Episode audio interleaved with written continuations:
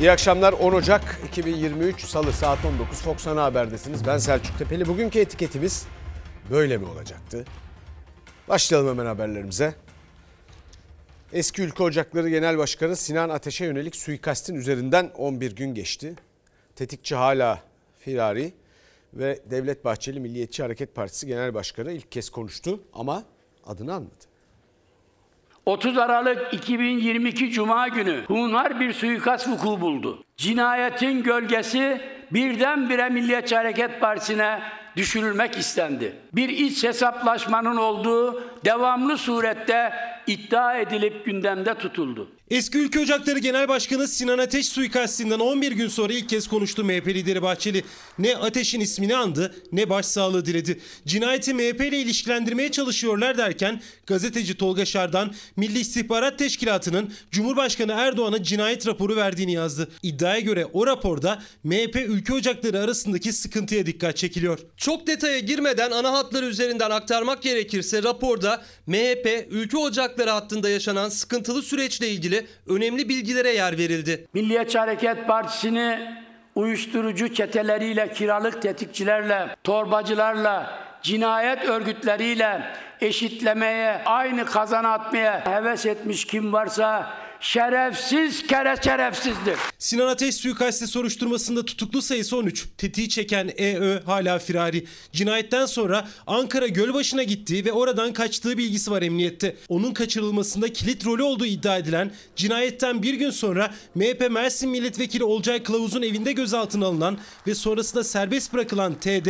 cinayet günü neden Gölbaşı'nda olduğu sorusuna gezmeye gitmiştim yanıtını verdi. Milletvekilimiz ahlaksızca suçlandı. Başkanlık divanı üyesi arkadaşlarım töhmet altında bırakıldı. Ülke ocakları hain bir kuşatmaya alındı. AK Parti İl Başkanı, Bursa İl Başkanı geldi taziyeye ve dedi ki Cumhurbaşkanı bu işin sonuna kadar arkasında olduğunu söyledi. Bir yanda Bahçeli'nin MHP cinayetle ilişkilendirilmeye çalışılıyor sözleri, diğer yanda Cumhurbaşkanı Erdoğan'ın AK Parti Bursa İl Başkanı aracılığıyla Sinan Ateş'in ailesine ilettiği bu iş nereye kadar gidiyorsa gidecek mesajı. İddiaya göre Milli İstihbarat Teşkilatı Çukurambar suikastine ilişkin rapor sundu Beştepe'ye. Tolga Şardan'ın haberine göre 2022 Mart ayında Mersin'de işlenen cinayetin suikastle bağlantısı, MHP ülke ocakları içindeki sıkıntılar, ülkücü camia içinde tartışmalara yol açan kimi saldırıların perde arkası o raporda yer aldı. Ayrıca aynı raporda bazı siyasilerin isimleri verilerek yaşananlardaki rolleri, güvenlik bürokrasisinde çalışan bazı üst düzey bürokratların süreçteki konumları hakkında da Cumhurbaşkanlığına bilgi aktarıldı. Genel başkan olarak sorumluluk taşıdığım süre içerisinde kendimde sır olarak sakladığım görevden alma nedenlerini yeri geldiğinde paylaşırım. Onlara şu an yandaşlık yapmış görev kaçkınlarını da o zaman tekrar hatırlatırım. Bahçeli'nin bu cümlesi de dikkat çekici. Sinan Ateş'i 2020 yılında Ülke Ocakları Genel Başkanlığı görevinden almıştı MHP lideri. Günü gelirse gerekçesini de açıklarım dedi. Bizi cinayete karıştırmak için tezvirat üretenleri hem Allah'a hem de hukuka havale etmek vazifemizdir. İşleyen yargı sonucunu sabırla bekleyip suikastin örgüsünü tam anlamıyla görmek en doğru olanıdır. Devlet Bahçeli'nin grup konuşmasında pek çok mesaj vardı. Peki Bahçeli'nin mesajı kimeydi? Sinan Ateş bizim de evladımızdır. Bir şehit var ortada. Bu kan yerde kalmayacak. Bahçeli şunu çok açık ve net bilsin. Yanında azmettiricileri barındırıyorsun. Teslim edeceksin. Kılıçdaroğlu gözün kesiyorsa buraya gel. Tek bir evladımı al da senin ciğerinin kaç okka ettiğini göreyim. yanındakini teslim et dediğinde gel al demek Kemal Bey'e meydan okumak değil. Devletin polisine, devletin savcısına meydan okumaktır. MHP lideri Bahçeli Kılıçdaroğlu'na seslendi ama CHP'ye göre mesaj yargıya, İçişleri Bakanlığı'na hatta Erdoğan'a tehdit. Karın ağrısı çekenlere, bir cinayet üzerinden siyasi kurgu yapanlara tekrar haykırıyorum ki Adayımız belli, kararımız nettir. Cumhurbaşkanı adayımız Sayın Recep Tayyip Erdoğan'dır. Hepimiz biliyoruz ki MİT bir rapor hazırlamış ve Cumhurbaşkanı'na sunmuş. Recep Tayyip Erdoğan'ı tehdit ediyor. Milli İstihbarat Teşkilatı'nın Erdoğan'a Sinan Ateş suikasti raporu sunması,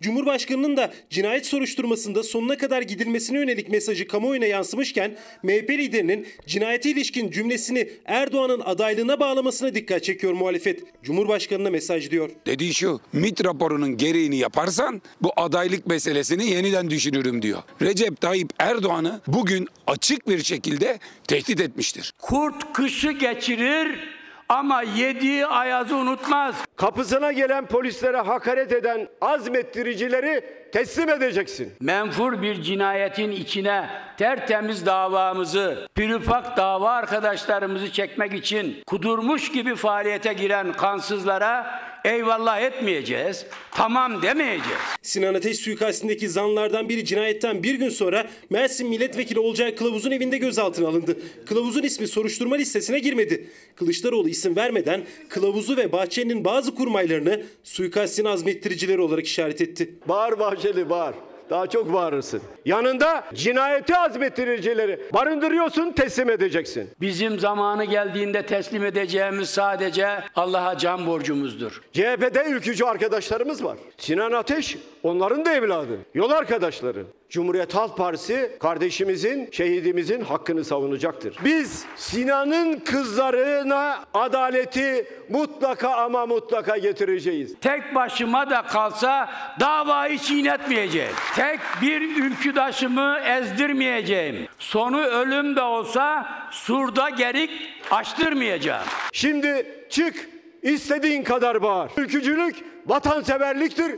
Biz de vatanseveriz. MHP lideri tek bir yol arkadaşımı dahi vermeyeceğim derken 11 günlük sessizliğini de asaletten diyerek açıkladı. Genel merkez binasında bir Türk milliyetçisini torbacılara vurdurtan yerli ve milli katil kim pankartı asan Ümit Özdağ da hedef aldı. Bu istihbarat fosiline bildiklerini sormak kuşkusuz şerefli Türk savcılarının ana görevi olduğunu buradan hatırlatmak, gereğinin yapılmasını istemek hem çağrım hem de görevimdir. Sayın Bahçeli sen önce Olcay'ı, Ulvi'yi ve Semih'i savcıya yolla. Gerekirse ben de giderim. İstersen göl başında portakal sandıklarında yakalanan silahlar soruşturmasını yürüten savcıya bile giderim. rahmetli Türkeş'in hapishaneden yazmış olduğu el yazısıyla mektupta kimin ismini ajan olarak verdiğini de bütün ülkücüler gayet iyi biliyorlar. Şimdi çok merakla ülkede izlenen bir süreç bu. Pek çok soru var. Soruların cevapları da yani yavaş aydınlanıyor ama aydınlanıyor, aydınlanacak. Yorumlar yapılıyor. Şimdi çok ilginç. Öyle bir noktada Milliyetçi Hareket Partisi Genel Başkanı Devlet Bahçeli öyle bir noktada cümlesinin öyle bir yerinde konuşmasının devamını da dinlediğinizde adayımız belli, kararımız nettir diyor ki Cumhurbaşkanı Erdoğan'ı kastederek bana sana söylüyorum Kılıçdaroğlu sen anla Erdoğan gibi geliyor. Çünkü orada konuyla pek ilgili görünmüyor yani o mesaj. Efendim bakalım şimdi siyasetin devamında da başka pek çok tartışma var. Siyasetteki bir başka tartışma seçim ve adaylık konusu, adaylık tartışması. Fakat hem altılı masanın bir aday belirlemesi süreci yaşanıyor hem de Cumhurbaşkanı Erdoğan'ın seçim tarihiyle ilgili açıklamaları üzerinden Cumhurbaşkanı Erdoğan'ın adaylığı ile ilgili bir tartışma sürüyor. Daha önceki Cumhurbaşkanlığı seçimlerinde karşımıza adaylar çıkmıştı. Onlarla yarışmış ve milletimizin teveccühüyle sandıkta ipi göğüslemiştik. Şimdi seçime kaldı şurada 4-5 ay. Ama hala karşımıza çıkabilen veya çıkartılabilen bir aday yok. Bizim kendisine tavsiyemiz anayasaya uygun hareket etmesi ve anayasaya göre de tekrar aday olabilmesinin tek yolu Anayasa 116. maddenin 3. fıkrası meclisin seçimlerin yenilenmesine karar vermesi. Cumhurbaşkanımız şu anda yeni sisteme göre birinci dönemindedir. Yeni sistem nerede yazıyor? Anayasada mı yazıyor? Sayın Mehmet Uçum lütfen göstersin hep birlikte okuyalım. Efendim bu yeni bir sistem ilk adaylığı, ikinci adaylığı halka yalan söylemek suçtur. Cumhurbaşkanı Erdoğan seçime 4-5 ay kaldı açıklaması yaparken Erdoğan'ın yeniden aday olup olmayacağı siyasetin tartışma konusu. Anayasa 101. madde bir kişi en fazla ikinci kez Cumhurbaşkanı seçilebilir diyor. Cumhurbaşkanı Başdanışmanı Mehmet Uçum, Cumhurbaşkanlığı hükümet sistemiyle yeni sisteme geçildi. Erdoğan'ın yeni sistemde ilk dönemi derken muhalefet anayasa maddesini gösteriyor. Kendileri bal gibi bilmektedirler ki anayasanın 101. maddesinde en ufak bir şekilde 2017'de değişiklik yapılmamıştır. 2007'de yapılan değişiklik aynen muhafaza edilmektedir ve Cumhurbaşkanı 5 yıllığına seçilir ve en fazla 2 dönem bu görevi yapabilir. Adaylık şartlarına baktığında 101. maddenin iki dönemden fazla Cumhurbaşkanı yapamayacak kişiler kimlerdir? Tek başına yürütme görev ve yetkisini kullanan Cumhurbaşkanlarıdır. Anayasa çok açık. Erdoğan ancak ve ancak meclis erken erken seçim kararı alırsa bir daha aday olabilir. Seçim kanununda yapılan değişikliğin devreye gireceği 6 Nisan sonrası alınacak bir seçim kararına muhalefet destek vermeyeceğini açıkladı. Anayasa madde 116'ya göre Cumhurbaşkanının ikinci döneminde meclis seçim yenileme kararı alırsa bir dönem daha adaylık yolu açılıyor. Cumhurbaşkanı seçimleri yenilerse muhalefet Erdoğan yeniden aday olamaz diyor. Habire toplanıp duruyorlar. Her defasında millet bekliyor ki aday çıkarsınlar da ülke ve millet için hayırlı bir yarış başlasın. Herkes bir aday ismi beklerken masadan çıka çıka ülkeyi 6 kişiyle yönetecekleri kararı çıktı. En iyi siz bilirsiniz. Yüksek Seçim Kurulu biz onu aday yapacağını biliyoruz. Cesaretle anayasaya uygun karar veremeyeceğini biliyoruz. Biz onu sandıkta göndereceğiz. Erdoğan seçimlerin yenilenmesine karar verdiğinde adaylığı için gözler YSK'ya çevrilecek. 2023 Cumhurbaşkanlığı ve meclis seçimleri için son viraja girilirken Erdoğan'ın adaylığına ilişkin araştırma yaptırdım diyen YSK Başkanı dahil 5 üyenin görev süresi 24 Ocak'ta sona eriyor. Yerlerine 5 ayrı üye seçilmezse mevcutlar görevlerine devam edecek. Efendim anayasanın 101. ve 116. maddeleri gayet açık. Yani hiç tereddüde yer bırakmayacak şekilde açık. Cumhurbaşkanı Başdanışmanı Mehmet Uçum ki Cumhurbaşkanlığı hükümet sisteminin mimarlarından, savunucularındandır. Kendisi avukattır. Dolayısıyla bu manada hukukçu diyebilir miyim bilmiyorum. Yani bu manada anayasa manasında. Dolayısıyla Cumhurbaşkanlığı hükümet sistemi pek çok tenkitle şu anda ülkede bütün civatalar gevşemiş durumda. Pek çok açığı olduğu için endişeyle karşılanırken elbette sistemi savunuyor. Savunuyor ama şöyle savunuyor. Şimdi bakın bir kere şunu anlamamız lazım. Cumhurbaşkanı Erdoğan'ın adaylık hakkı sonsuz.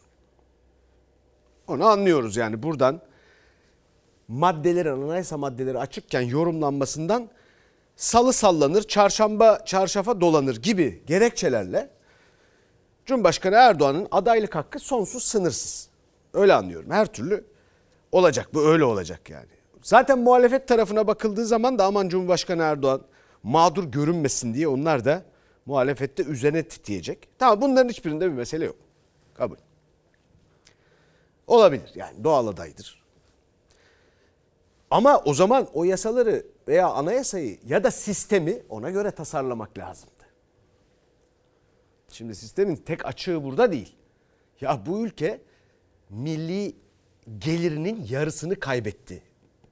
Bu sistemle yönetilmeye başladığından beri yarısını diyorum. Bütün çekilen bu fakirlik, dışarıdaki pahalılık işte hepsinin birinci baş sebebi bu.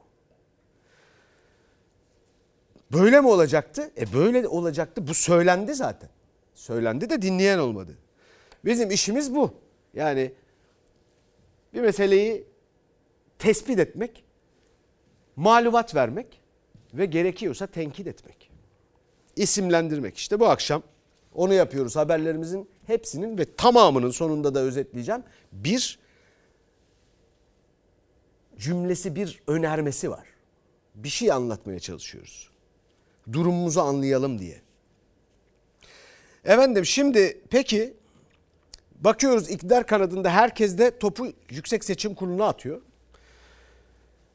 Beklenti yüksek Yüksek Seçim Kurulu'ndan. Yüksek Seçim Kurulu'nun verdiği tartışılan kararlar var. Onlar da hiç çıkıp bir açıklama yapmıyorlar. İstanbul seçiminin neden iptal edildiği konusunda. Ya da mühürsüz oyların nasıl sayıldığı, niye sayıldığı konusunda yapmıyorlar. Dolayısıyla oradan da bir şey gelecek göreceğiz. Dolayısıyla bütün bu tartışmaların odağında aslında Yüksek Seçim Kurulu var. E peki e, şimdi ama konu adaylık değil ki konu seçim tarihi. Her nedense her nedense seçim tarihini bir miktar öne almak istiyor. İktidar partisi ama o kadar da öne almak istemiyor. Aman o erken olurdu da olmazdı da efendim biraz işte öne almaktı da başka bir şeydi de ya buna karar verecek olan belli. Cumhurbaşkanı Erdoğan karar verecekse sorumluluğu alacak verecek. Yok meclis karar verecekse yetiyorsa sayı orası karar verecek. Bu anayasayı efendim yasaları bu kadar sündürürseniz bakın bu memlekette bu hukuk lastiği bir yerde kopar. Yani bu böyle bu kadar sizde yiyip içelim bizde gülüp geçelim diye olmaz. Şu memlekette 85 milyon insan kendi halinde yaşıyoruz yani. Hepimizde bir şeyler görüyoruz. Peki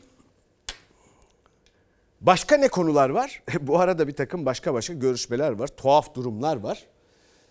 Mesela AK Parti'nin HDP ile ilgili bir tuhaf tutumu var. Taktik mi, ikilem mi pek anlamak mümkün değil. Bakalım sonra üstüne konuşacağız AK Parti'de HDP çıkmazı. Kapatma davasıyla bizleri nihai olarak tasfiye edecekler, susturacaklar. Bize ağır saldıranlara büyük kaybettireceğiz, büyük kaybettireceğiz. Davalı parti yöneticileri dahil PKK'yı terör örgütü olarak görmeyip silahlı halk hareketi olarak tanıdıklarını açıkça ifade ediyorlar. Bu parti terör örgütünün asker alma şubesi gibi çalışıyor. Sanki Bahçeli konuşuyor. Sanki AKP'nin bir sözcüsü konuşuyor. Bizim yasa dışı bir organizasyonla, bir örgütle temaslı olmamız, organı olmamız yani bunlar çok absürt. HDP'ye yönelik kapatma davasında Yargıtay Cumhuriyet Başsavcısı Bekir Şahin Anayasa Mahkemesi'ne sözlü açıklama yaptı. HDP için terör örgütünün asker alma şubesi ifadesini kullanırken AK Parti anayasa teklifi için HDP'den randevu istedi. Kafaları çok karışık. Yani seçim çalışması yapalım derken açıkçası e, bütün tuşlara basmaya devam ediyorlar. Yani hatlar karıştı. Anayasa Mahkemesi HDP'nin hazine yardımına geçici bloke kararı aldı. O karardan 5 gün sonra Yargıtay Cumhuriyet Başsavcısı Bekir Şahin kapatma davasına ilişkin Yüksek Mahkemeye sözlü açıklamada bulundu. Davalı partinin terör örgütüyle olan bağı bilinen bir gerçek. Yok terör örgütüne asker alma dairesi gibi çalışıyor. Yok efendim kınamıyor. Bir hukukçunun bunları söylemesi çok talihsiz. Dava açıldıktan sonra da 287 aile daha bu nöbete katılmıştır. Bu durum davalı partinin terör örgütüyle bağını koparmadığının bir ispatıdır. Biz yolumuzda yürümeye devam edeceğiz. Parti kapatılacakmış, kapatılmayacakmış bunların hiçbirine kulak asmayacağız. Seçime kadar süreç tamamlanır O yüksek mahkemenin takdiri. Bizim görevimiz bugün itibariyle bitti. Tüm delillerimizi ortaya koyduk. Artık demokrasilerde siyasal partiler kapatılmaz.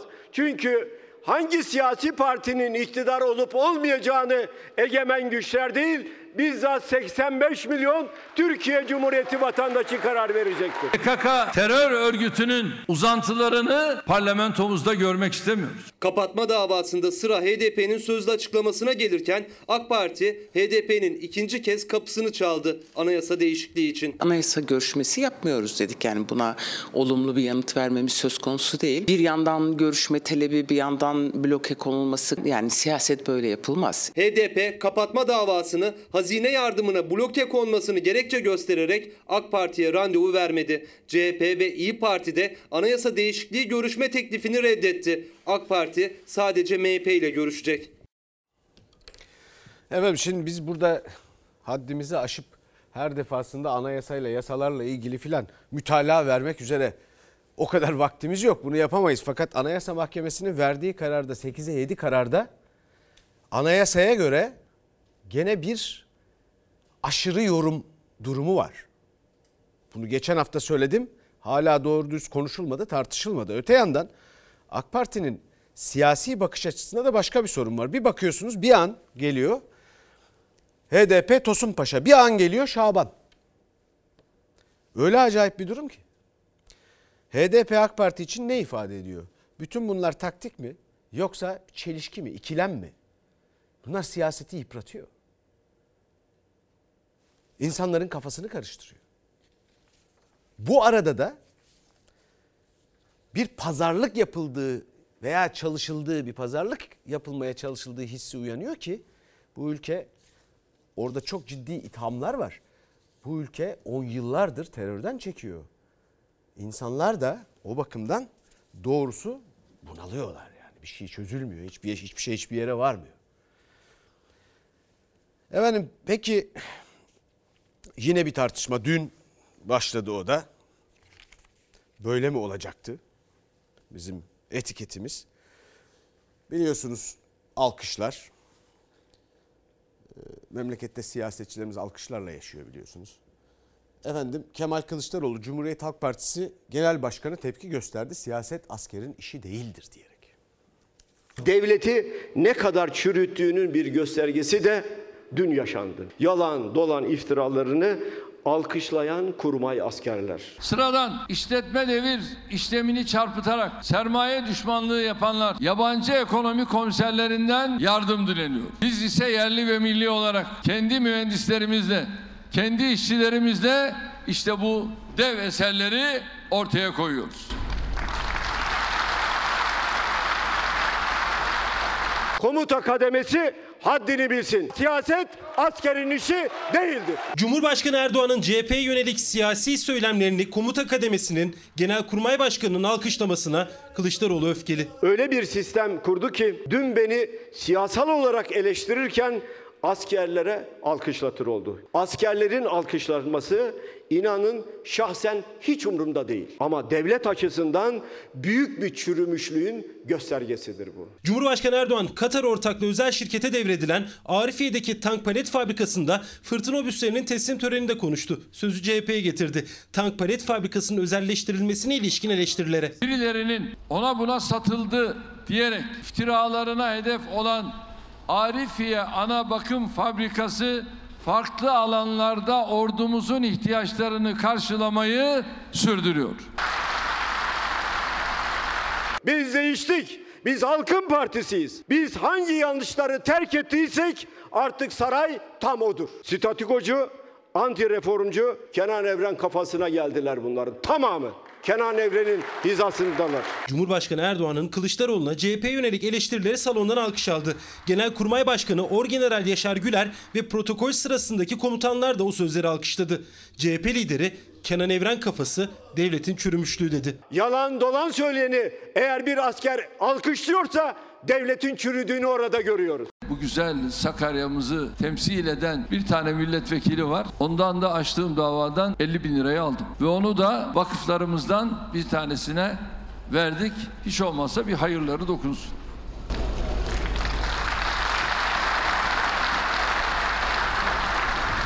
Siyaset askerin işi değildir. Herkes haddini bilecek. Herkes bulunduğu makamın ne olduğunu anlayacak. Siyaset mi yapmak istiyorlar? Çıkarsınlar o kutsal üniformayı.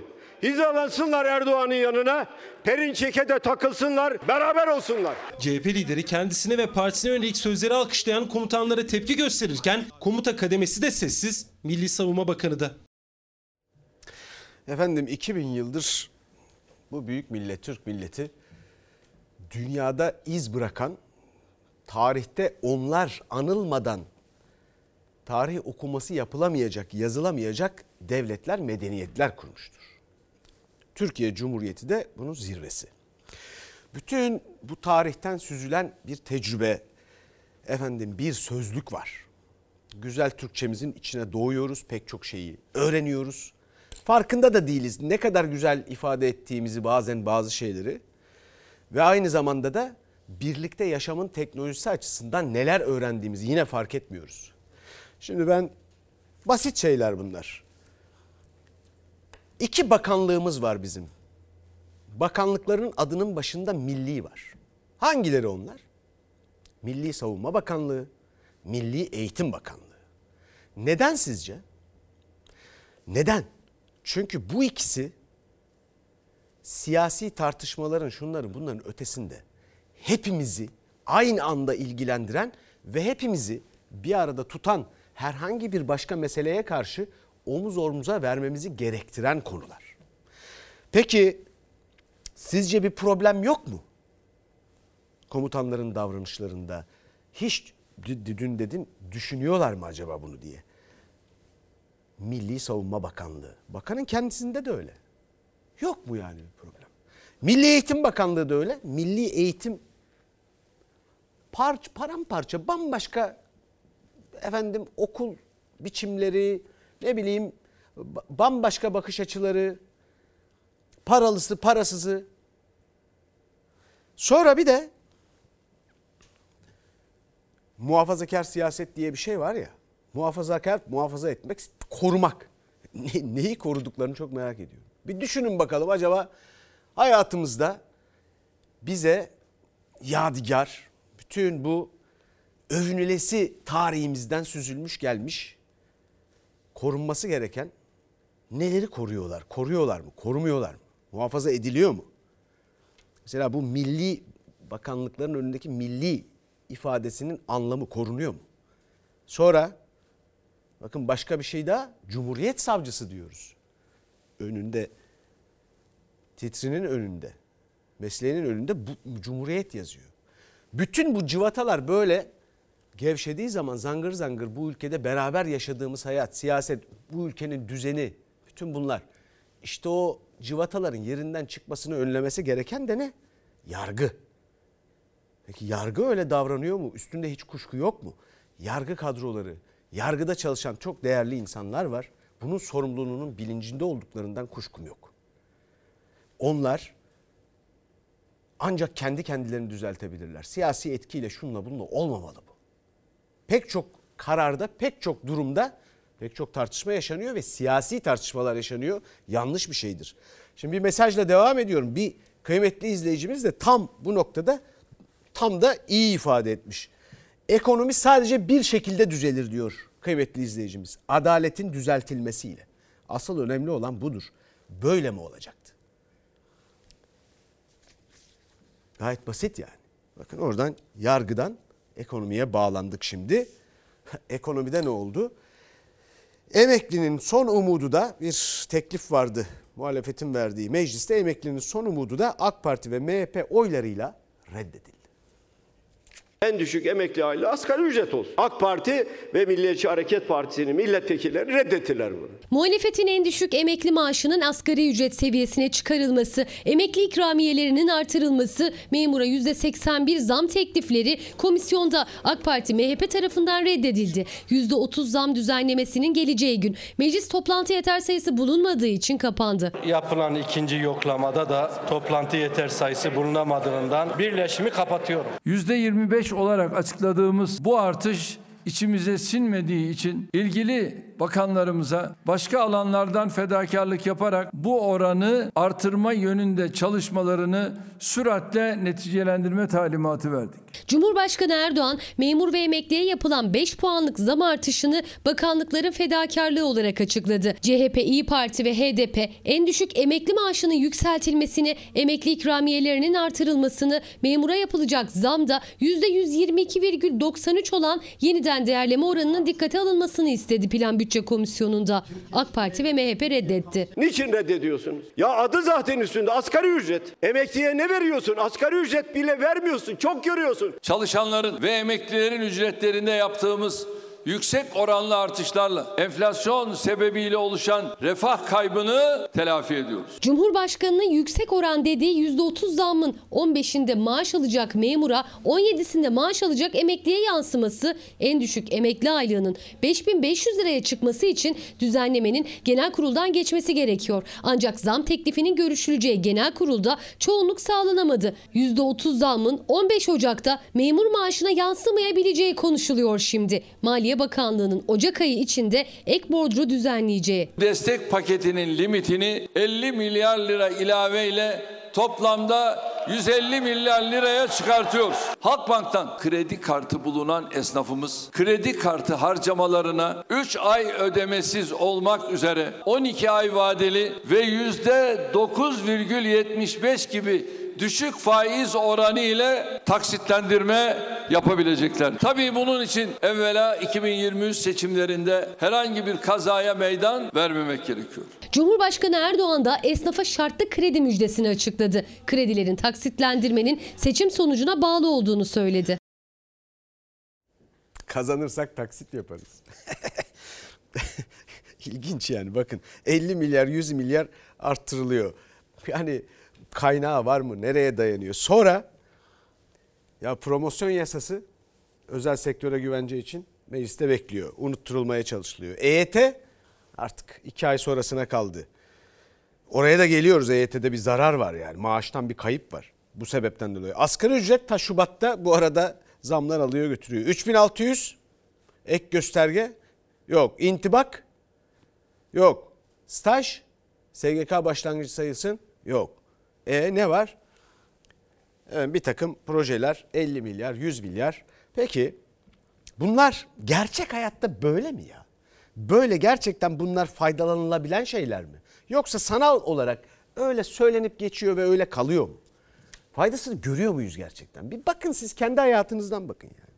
Şimdi asıl mesele şu.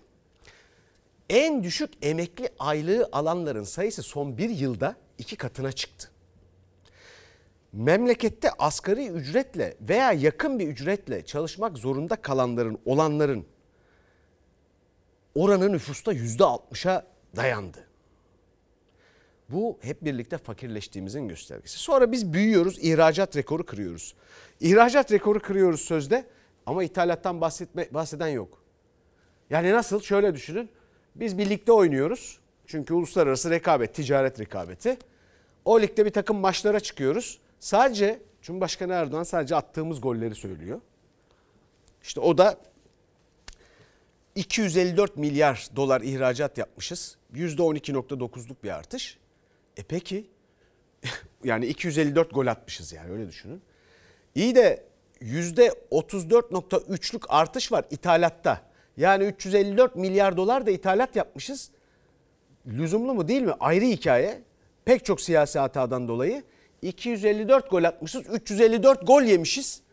Fakat bu yenen goller bizim puan tablosunda görünmüyor. Bunu söylemiyorlar. Böyle maç olur mu? Böyle lig oynanır mı? Şimdi böyle gerçek hayatta karşılığı olup olmadığını bilmediğimiz, gerçek hayatta bambaşka şeyler yaşanırken pek de fark etmeyen siyasetçilerimiz huzursuz, mutsuz, geleceği hayal edemeyen insanlarımız. Böyle mi olacaktı? Bu örneklere devam edeceğim. Şimdi bakalım Kasım ayı işsizliğine. Ne olmuş? TÜİK'e göre %10.2, diske göre %20.8. Asgari ücreti bir tık güya zamlandırdılar ama zamlanınca onlar da hani biraz daha üstü olacağı için bir sürü eleme yaptılar. O yüzden işsiz kaldık biz de. Şu an çocuk okutuyorum zaten. Ee, boş kalma gibi bir lüksüm de olmadığı için. Dedim hani iş bakıyorum. Kaydımı yaptırayım dedim bir yerden bir şey çıkar. 43 yaşında Özlem Aktepe asgari ücret zammından sonra işsiz kalanlardan. O yeni işsiz. TÜİK ise Kasım ayının işsizlik oranlarını açıkladı. Ekim'de olduğu gibi Kasım'da da TÜİK'e göre işsizlik %10,2.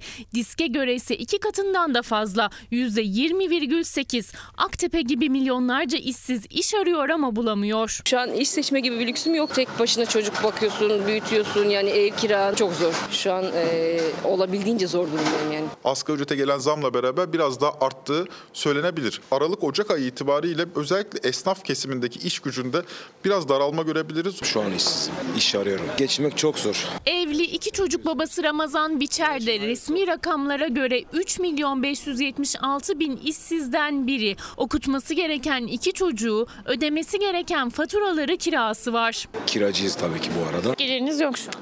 Gerçekten yok. Okul masraflarını nasıl karşılıyorsunuz? Gerçekten o biraz çok zor. Gerçekten hani nasıl anlatayım size hani bazen artık olmuyor. Olmuyor yani hani ne yapsan olmuyor ama bakıyorum iş arıyorum. Son 20 yılda %10'da yapışan, en iyi durumda bile %10'a kadar gerileyebilen işsizlik tablosuyla karşı karşıyayız. Ekim'den Kasım'a işsizlik oranı aynı kalırken TÜİK'e göre gençlerde işsizlik düştü. %21,9'dan %17,8'e geriledi. Genç işsizlik verilerinde normal ortalama işsizlik verilerinin yaklaşık iki katı oranında görüyoruz. Patron EYT'nin çıkacağını da biliyor. Kasım ve Aralık ayında bir eğilime neden oldu. Hala hazırda emekli olanları işten çıkartayım, Genelde gençlere de iş beğenmiyor diye e, söylüyor yani yönetenler. İş bulmak çok zor bence. Ekran başka, insanların yaşadıkları başka bu ülkede. Birçok insan var iş aramayı bırakmış, umudunu kesmiş. Bunlar da var yani hiç bunlar hesaplanmıyor Türkiye'de. TÜİK işsiz sayısını hesaplarken sadece son 4 haftada resmi kanallardan iş başvurusunda bulunanları işsiz sayıyor. Disk ise geniş tanımlı işsizlik hesabı ortaya koyuyor. İşsizlik oranlarında uçurum çıkıyor ortaya.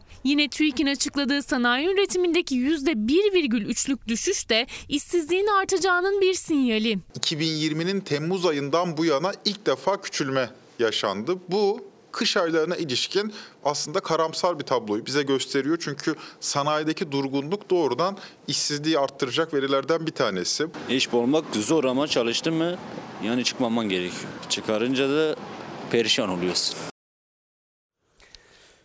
Efendim e, çalışabilecek aktif aktif nüfusta zirvede olmamız lazım şimdi bizim. Yaş ortalamamıza göre. Genç bir nüfustuk ya bitmek üzere. Zirvedeyiz ama çalışabilen nüfusumuz yani bizim istihdam havuzumuz toplam çalışan sayısı 30 milyon. Bizden daha düşük nüfusu olan Fransa'da 45 milyon. Daha düşük nüfusu olan Almanya'da 55 milyon bu. Dolayısıyla biz insanlarımızı çalışacak iş bulup çalıştıramıyoruz bir kere. Bu bir başarısızlık. Bir hükümet ve politika başarısızlığıdır. Bütün zengin, kalkınmış, refah içinde yaşayan insanların ülkeleri bu nüfusun en aktif olduğu genç nüfusun, çalışabilir nüfusun 15 ile 65 yaş arasındaki nüfusun yoğun olduğu dönemde zengin oldular. Biz insan kaynağını israf ettik. Ve işsizlik gördüğünüz gibi yerinde sayıyor. Yeterince istihdam yaratamıyoruz. Ha bu arada bu akşam reklam yok. Saat 8'e kadar saat başına kadar gidiyoruz, devam ediyoruz. Daha söylenecek, konuşulacak çok şey var. Şimdi sıra EYT düzenlemesinde. Bakalım EYT düzenlemesi 2 ay gecikti ya. Maaşta %15 kayıp var. herhangi bir sınırlamaya gitmeksizin çözüme kavuşturacak çalışmayı yakında meclisimizin takdirine sunuyoruz. Yakında kelimesini tarih olarak telaffuz ederlerse yine Sayın Cumhurbaşkanımızdan ricamız yarın getirin, öbür gün getirin. Yakında dedi Cumhurbaşkanı ama tarih yine belli değil. EYT'nin meclise gelişi ötelendikçe yeni mağduriyetler doğdu. Askerlik ve doğum borçlanmasını gelecek emekli maaşıyla ödemeyi planlayanların hesabı şaştı. Net bir tablo olmadığı için Aralık ayında başvuru yapmayıp 2023'ü bekleyenler de şimdiden zararda. Geçen ay dediler yine yapmadılar. Biz de kendimizi ona göre hazırladık. İş yok güç yok. Bu SGK'ya kaçıncı gelişiniz? 30 olmuştur. 30. Şu anda e, bekliyoruz. Aralıkta başvurdunuz mu? Yok başvurmadım. Çok kalabalıktı. Şu anda daha fazla para istiyorlar borçlanma için. Ama onu verecek şu anda gücümüz yok. Ne kadar istiyorlar? 77 bin. 800 gün diyorlar. E, bir tane çocuğum var. Doğum borçlanmasını hem 2023'ün zamlı priminden yapmak zorunda hem de geçen ay başvurmadığı için bağlanacak emekli maaşı enflasyon karşısında erimiş olarak yatacak hesabına. EYT Federasyonu Başkanı Gönül Boran Özüpak'a göre EYT söz verildiği gibi Aralık ayında yasalaşsaydı bağlanacak maaşlar %14 daha fazla olacaktı. Yine yeniden mağduriyetler yaşıyoruz. Aralık ayında meclisten geçip de onaylanmış olsaydı bugün emekli olan arkadaşlarımız %30'luk emekliye bir zam verilmiş oldu. Bundan mahrum kaldık. Sadece bir bir 2023 Ocak ayındaki artış %16 enflasyon oranıyla aradaki 14'lük bir kayıpla yine bize hüsran, yine bize kuşa dönmüş maaşlarla Başvurusunda yaptım. Hatta onu da sordum. Ee, Daha henüz netleşmemiş. Evrak kayıttaymış. Ne zaman yaptınız başvuru? Ee, 12. ayın 30'u veya 31'inde yaptım. İlk başta tamam yatır faydalanabilirsin dedi. Aylık oranı bağladığı zaman dedi ki yok dedi olmuyor dedi. Zaten şu anda hiçbir şey belli değil içeride. Yani daha yasa çıkmadığı için Aralığın 27'sinde doğum borçlanması olarak başvurduk. Yeni yıla girdiğimizde 3-4 gün sonra göremiyoruz. İşleminiz yoktur diye bir yazı çıkıyor. Aralıkta borçlandığımızda 100 bin lira. Yeniden borçlandırırlarsa bir 50 bin lira daha fazla ödemek gerekiyor. Başvurusu gözükmeyenler de var. Bir belirsizlik içinde tüm EYT'liler takvimin netleşmesini bekliyor. Ocak ayının bugün 10. günündeyiz. Tedirginlik içerisindeyiz. Ocak geçecek, Şubat geçecek, Mart'ta mı maaş bağlanacak? Mart'ı da geçirecekler, Nisan mı diyecekler? Acaba biz yine seçim yatırım mı olduk diyoruz. Şubat'a kaldı. Şubat diyorlar. Bakalım Mart seçimlerden sonra mı kalacak o da meçhul yani. Peki eskiden bir de kıdem tazminatı vardı. İnsanlar bu ülkede çalışanlar kıdem tazminatıyla onun üzerinden hayal kurabilirlerdi. Kendileri için, çocukları için önemliydi yani bu ülkenin insanları, onların mutluluğu ekonomi içinde, ekonominin dışına çıkmıyordu. Peki ne oldu? Sözde çalışanın lehine pek çok düzenleme yapılıyor. Onlar da patinaj yapıyor. Fakat kıdem tazminatına bir tavan geliyor. Yavaş yavaş hiç hissettirmeden kıdem tazminatı eritiliyor. Aslına bakarsanız pul oldu. Artık kıdem tazminatı ile hayal kurmak hayal oldu. Öyle değilse siz öyle değil deyin. Arada yazın. Diskin bir talebi var. Kıdemde tavan kalksın diyor. Meclise çağrımız bütün çalışanların kazanmış tüm haklarının mutlaka ama mutlaka güvence altına alınmasıdır. Kıdem tazminatı tavanının kaldırılarak e, işçilerin gerçek ücretleri üzerinden hak ettikleri biçimde kıdem tazminatı almasının sağlanmasıdır. 9010 lira tazminat aldım. Çınarcık'tan bir daire aldım. Şu anda ne alabiliriz onu düşünüyorum yani. Ya dinlesinler utansınlar ya. Vallahi başka bir şey. Hani diyecek lafımız yok ya. Yıllar önce kıdem tazminatıyla bir ev sahibi olabildi 83 yaşındaki Şükrü Karaca. Ancak yıllar içerisinde çalışanın son kalesi işsizlikteki tek garantisi kıdem tazminatı eridi. Tavan bu yıl için 6 aylık enflasyona göre 17.904 lira olarak belirlendi. Memur zammı yasalaşınca %30'a göre yeniden belirlenmesi 19.982 lira olması gündemde. 2000 liralık bu artışsa fark yaratmayacak. Sendikalar çalışanlar kıdemde tavan kalksın diyor. Niye taban koydular buna? Şu anda araba alamazsın bir de o paralara araba bir de yok. Patronların yıllarca çalışarak emek veren işçisini işten çıkartma konusunda önüne set koyan şeylerden biri kıdem tazminatı. Çalışanınsa işsiz kaldıktan sonraki hayat güvencelerinden biri. Ama 10 yıl çalışan biri için bile kıdem tazminatıyla herhangi bir şey alabilmesi mümkün değil. Ne ev ne de bir araba. Yıllarca emek verip çalışanlar karşılığını alamıyor. Yıllar önce emekli olanlarsa kıdem tazminatlarıyla ev ya da araba sahibi olabildi. 113 lira mı öyle bir şey aldım. Keçiören'de, Ankara Keçiören'de 400 metre bir arsa aldım. Bir de e, Sarıyer'de 375 metre bir arsa aldım. Şimdi 80 de verse, 100 de verse hiçbir şey alamazsın kızım. 10 yıl çalışsa yani 179 bin lira alır. Ne alabilirsin 170 liraya? Ben size sorayım ne alınır? Hiçbir şey alamazsınız. Bir araç bile alamazsın. Bir tane motosiklet bile alamazsın. Maaş zamları komisyondan geçti ama henüz yasalaşmadı. O yüzden mevcut kıdem tazminatı tavanı 17.904 lira. Bu da 5 yıl çalışan için 89.520 lira tazminat demek. 10 yıl aynı iş yerinde çalışanın alabileceği en yüksek tazminatsa 179 bin lira. Maaş ne kadar yüksek olursa olsun tavana takılıyor. Kıdemle çok fazla alım gücü bir şey yok yani alabileceğim çok fazla bir şey yok. En fazla çalışmadan beni ne kadar idame ettirir? Tek başına yaşayan bir insan olarak hadi bir yıl idame ettiririm. Disk mecliste maaş zamları görüşülürken kıdem tazminatının da gündeme alınmasını, tavan uygulamasının kaldırılmasını istiyor. Kıdem tazminatı bizim açımızdan son derece önemli. Ee, son kalemizdir diyoruz ve kıdem tazminatımıza her koşulda sahip çıkıyoruz. Peki efendim durum buyken başka bir tabloya bakalım şimdi. Biliyorsunuz köprü ve otoyollara bu yıl zam yok dendi. Bu ilginç haber ne olur detaylarıyla izleyin. Biz Cumhurbaşkanı Erdoğan'ın Nurettin Nebati'ye söylediği Nurettin senden para çıkmıyor rahat ol sözüyle başlığı verdik.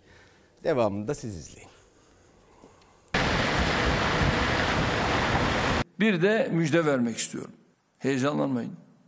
Otoyol ve köprü hizmetlerinin fiyatlarında yıl boyu herhangi bir artışa gidilmeyecektir. Nurettin senden para çıkmıyor yani. Rahat ol. Onun cebinden çıkmayacağını biliyoruz zaten. Şahsen onun cebinden çıkmayacak Nebati'nin. Bizim cebimizden çıkacak. Cumhurbaşkanı Erdoğan 2023 yılı boyunca köprü ve otoyollara zam yok dedi. Hazine ve Maliye Bakanı'na para senden çıkmıyor rahat ol diye seslendi. Nebati de o rahatlıkla gülümsedi. Ancak hazineden garantili projelere çıkacak para nedeniyle geçen de geçmeyen de o kadar rahat değil. Müteahhitlere verilen garanti herkesin cebinden çıkıyor. Cumhurbaşkanı Erdoğan Hazine ve Maliye Bakanı'nın cebinden çıkmayacak dedi ama kimin cebinden çıkacak bu para? Doğru söylüyor Cumhurbaşkanı. Ne kendi cebinden çıkacak ne Maliye Bakanı cebinden çıkacak. Vergi mükellefleri olarak bizim cebimizden çıkacak Merve Hanım. Maliye Bakanlığı bizden para topluyor vergi mükelleflerinden. E, alıyor, Karayolları Genel Müdürlüğü'ne aktarıyor. Karayolları Genel Müdürlüğü de e, müteahhitlere ödüyor. Kaç milyon insan var sırtına veriyorlar. Oradan alıyorlar, hazineye koyuyorlar diyor neymiş? Ben iyilik yaptım, körpüde ucuzluk yaptım. Böyle bir şey olabilir mi? Günlük 40 bin araç geçiş garantili Osman Gazi Köprüsü'nün 184,5 lira olan geçiş ücreti aynı kalacak. Müteahhitlere ödenecek tutarsa araç başına 974 lira. Aradaki fark yani 789,5 lira hazineden karşılanıyor. Üstelik bu miktar döviz kuruna bağlı olarak yılda 4 kez değişiyor. Geçen yıl Ocak ayında dolar 13,5 lira seviyelerindeyken müteahhitlere hazineden ödenen fark 463,5 liraydı. Dolar arttıkça tabii daha da artacak. Belki 1500 olacak bu sene aradan ödenen fark. Maalesef gene oluyor. Nasıl olmuyor ki zam? Zam yine oluyor. Hani Sayın Cumhurbaşkanı e, Maliye Bakanı dönerken senin cebinden 5 kuruş çıkmayacak demişti ya. İşte bu para çıkıyor. E, geçenden.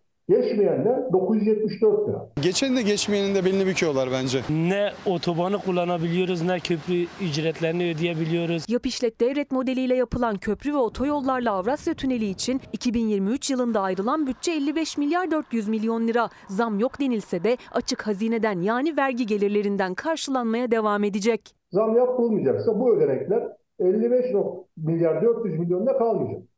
65 milyar, 70 milyar artık nereye kadar giderse kurun e, artışına bağlı olarak nereden bakarsanız bakın bütçeye çok ciddi bir yük getirecek. Bunu rahatlıkla söyleyebilirim. Seçimler yaklaşıyor ya oy toplamak için yani şu anda her şeyi yapar. Ama bu sefer kusura bakmasın Türkiye artık uyarmış durumda.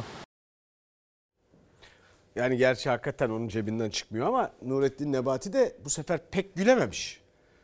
Yani onun çok daha efendim e, iştahla güldüğü zamanlar biliyoruz. Yani pek bilmiyorum nasıl ilginç. Fakat olay şu. Şimdi efendim oradan geçişi arttırmak için bir de reklam masrafı çıktı anlaşılan. Hani fiyata zam yapmayalım. Dolayısıyla onun da vergileriyle oradan geçmeyenler ödesin.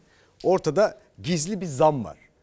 Hiçbir siyasetçi hiçbir hükümet mensubu cebinden bir kuruş para harcamaz. Tam tersine para kazanırlar. Onlar da geçimini öyle sağlarlar. Servetlerin ne kadar arttığını pek bilmeyiz. Şeffaf bilmem bir şey de yoktur memlekette. Fakat kesinlikle milletin cebinden, hazinenin cebinden, devletin bütçesinin cebinden çıkıyor bu. Yani sizin vergileriniz, bizim vergilerimiz buraya gidiyor. Şimdi dünyada memleketimizde şöyle diyelim. AK Parti siyasetinde, mesajlarında şöyle iki, iki durum var. Bir, test edilemeyen vaatler ve siyasi söylem ve projeler. Mesela işte Hürkuş uçağı, mesela Milli Muharip uçak, mesela Ay'a seyahat, mesela işte bunun gibi başka bir takım silahlar ki bunları hani gerçekleşmediğinde ya da bir savaş falan olmadığında Allah korusun tam olarak her zaman anlayamıyoruz. Yani hani gerçekten söylendiği gibi mi başka türlü mü veya petrol ve gaz keşifleri oralarda da bir şeffaflık yok. Gerçekten öyle mi değil mi ne kadar faydalanılıyor bir onlar var ve bu tür vaatlerin sayısı çok arttı. Bir de test edilse bile faturası bitmeyenler var. Onlar da işte kimisi iyi. Şimdi öyle soranlar da olacak. İşte hiçbir bir şey yapmadı bu iktidar. Yaptı canım.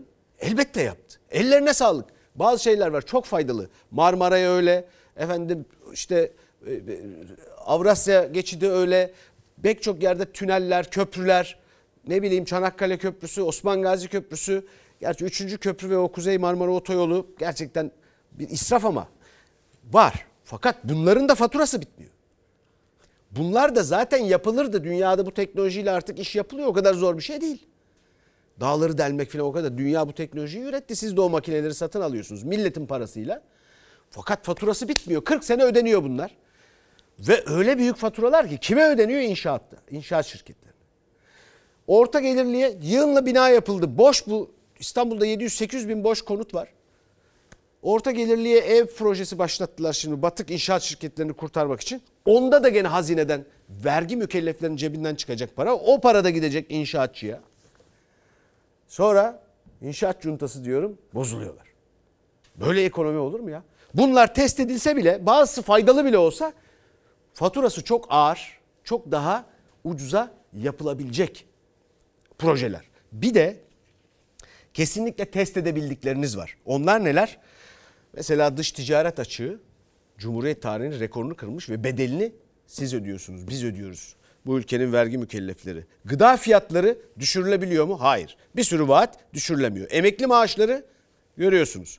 Asgari ücret bir millet asgari ücretli olmuş. Asgari millete dönüşmüşüz maaş bakımından.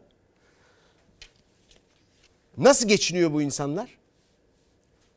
Onları hepimiz test Eğitim, sağlık, beslenme, beslenebiliyor muyuz? Güvenlik, efendim, hayal kurabiliyor musunuz? İşte bunlar da test edilebilen şeyler. Her gün yaşıyorsunuz. Bakın bunlara patron sizsiniz çünkü. Devam ediyoruz efendim. Yabancıya konut meselesi de fiyatları arttıran bir şey biliyorsunuz. Ee, Cumhuriyet Halk Partisi Genel Başkanı Kemal Kılıçdaroğlu yabancıya konut satışını yasaklayacağım dedi.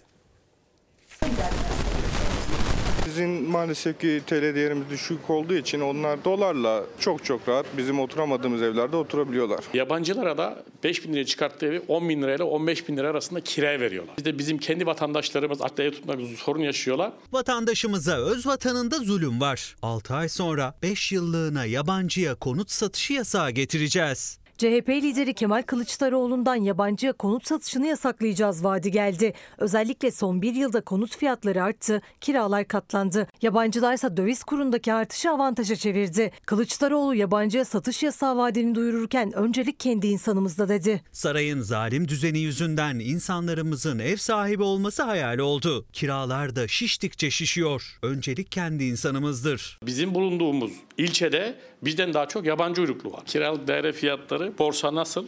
Borsa gibi. 2 milyon TL'den e, 10 milyon TL'ye kadar bizde şu anda satılık daire mevcut. Ortalama 5 milyon liralık daire 266 bin dolara denk geliyor. Türkiye'de yaşayanlar o dairenin hayalini bile kuramazken yabancılar oturmak için de yatırım yapmak için de kolaylıkla alabiliyor. Kiralık dairelerde de durum farklı değil. Bir emlakçıdaki kiralık daire fiyatlarına baktığımızda 10-15 bin lira bandında yani asgari ücretin üstünde. Hemen yan tarafta satılık daire fiyatlarına baktığımızda ise 2 milyon liradan başlıyor. Bu daireleri alabilenler, kiralık daireleri tutabilenlerse genellikle yabancı uyruklular. Hatta ilanlarda genellikle vatandaşlığa uygundur yazısı yer alıyor. Rüyanda bile göremezsin ev almayı. Asla alamazsın. Yani ben alamam.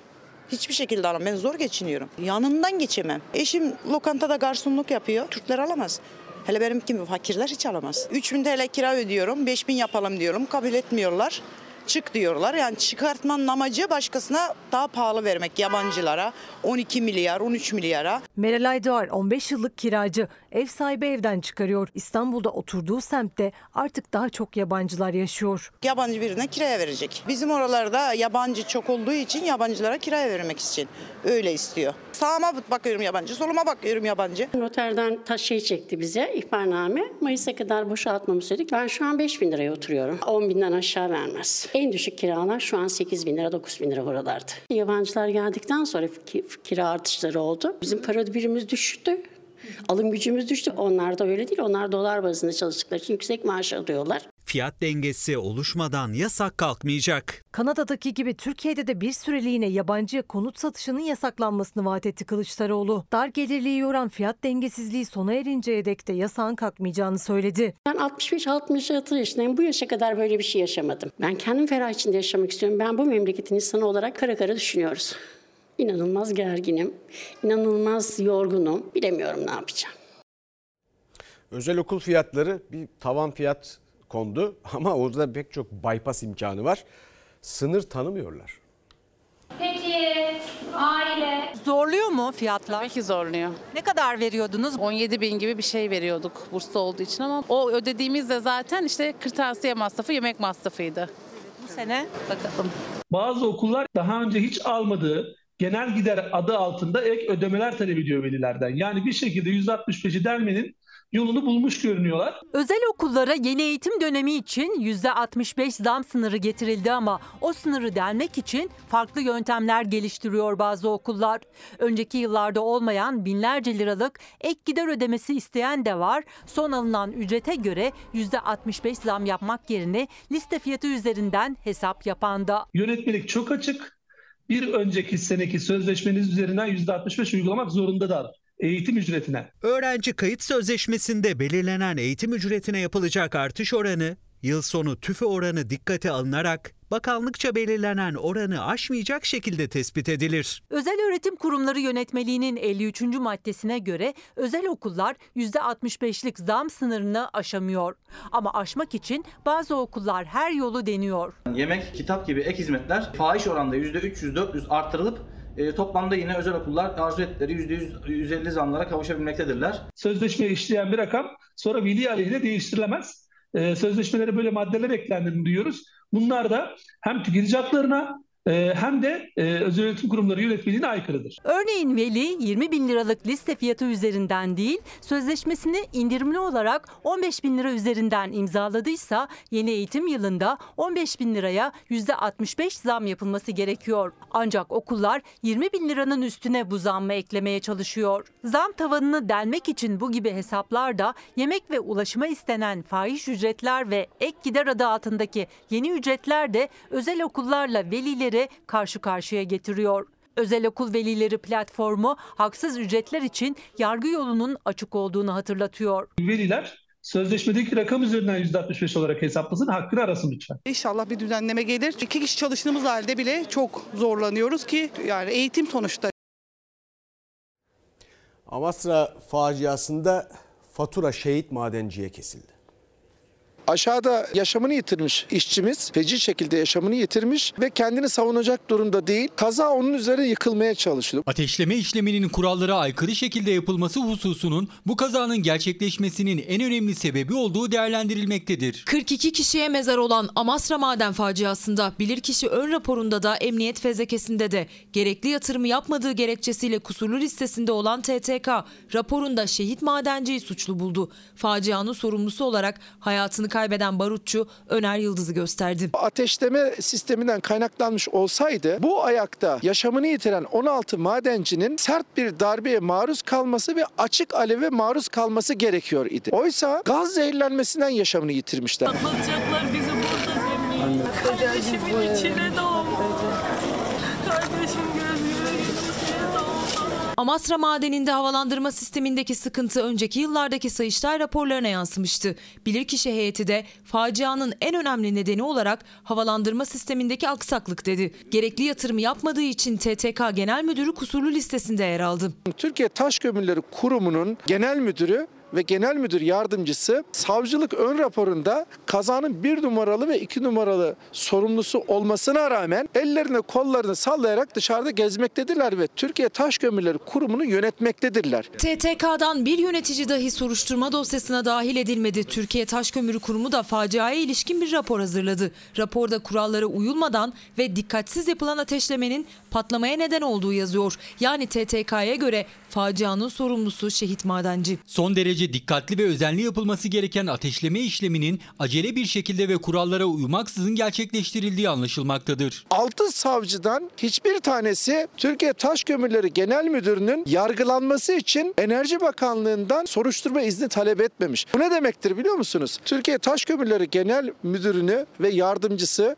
Ercan Gebeş'i koruma altına alıyoruz demektir yargı eliyle. Muhalefet bir an önce savcılık ön raporunda ve emniyet fezlekesinde kusurlu bulunan TTK Genel Müdürü, yardımcısı ve diğer bürokratlar hakkında yargı sürecinin başlatılmasını istiyor. Türkiye Taş Kömürü Kurumu'nun başında niye Kazım Eroğlu duruyor hala? Üstelik onun kurumunun hazırladığı raporda bilirkişi ve emniyet raporlarının aksine kendileri kusursuz. Şehit maden işçisi kusurlu. Kuzuyu kurda teslim etmek demek bu işte. Efendim siyasi performans bütün bunların arkasındaki sebep gerekçe. Bunları bunu iyi bilin. Bu ülke siyasi performansı iyi olsa iktidarının su içinde bundan dört kat daha zengin insanların çalışırken can güvenliğinin çok daha fazla olduğu bir ülke olur. Bu kadar. Şimdi efendim bu akşam yeni bir dizi başlıyor Fox'ta. İsmi Taçsız Prenses. İyi seyirler efendim. taşına, toprağına. Bin can feda bir tek dostuma. Her köşesi cennetin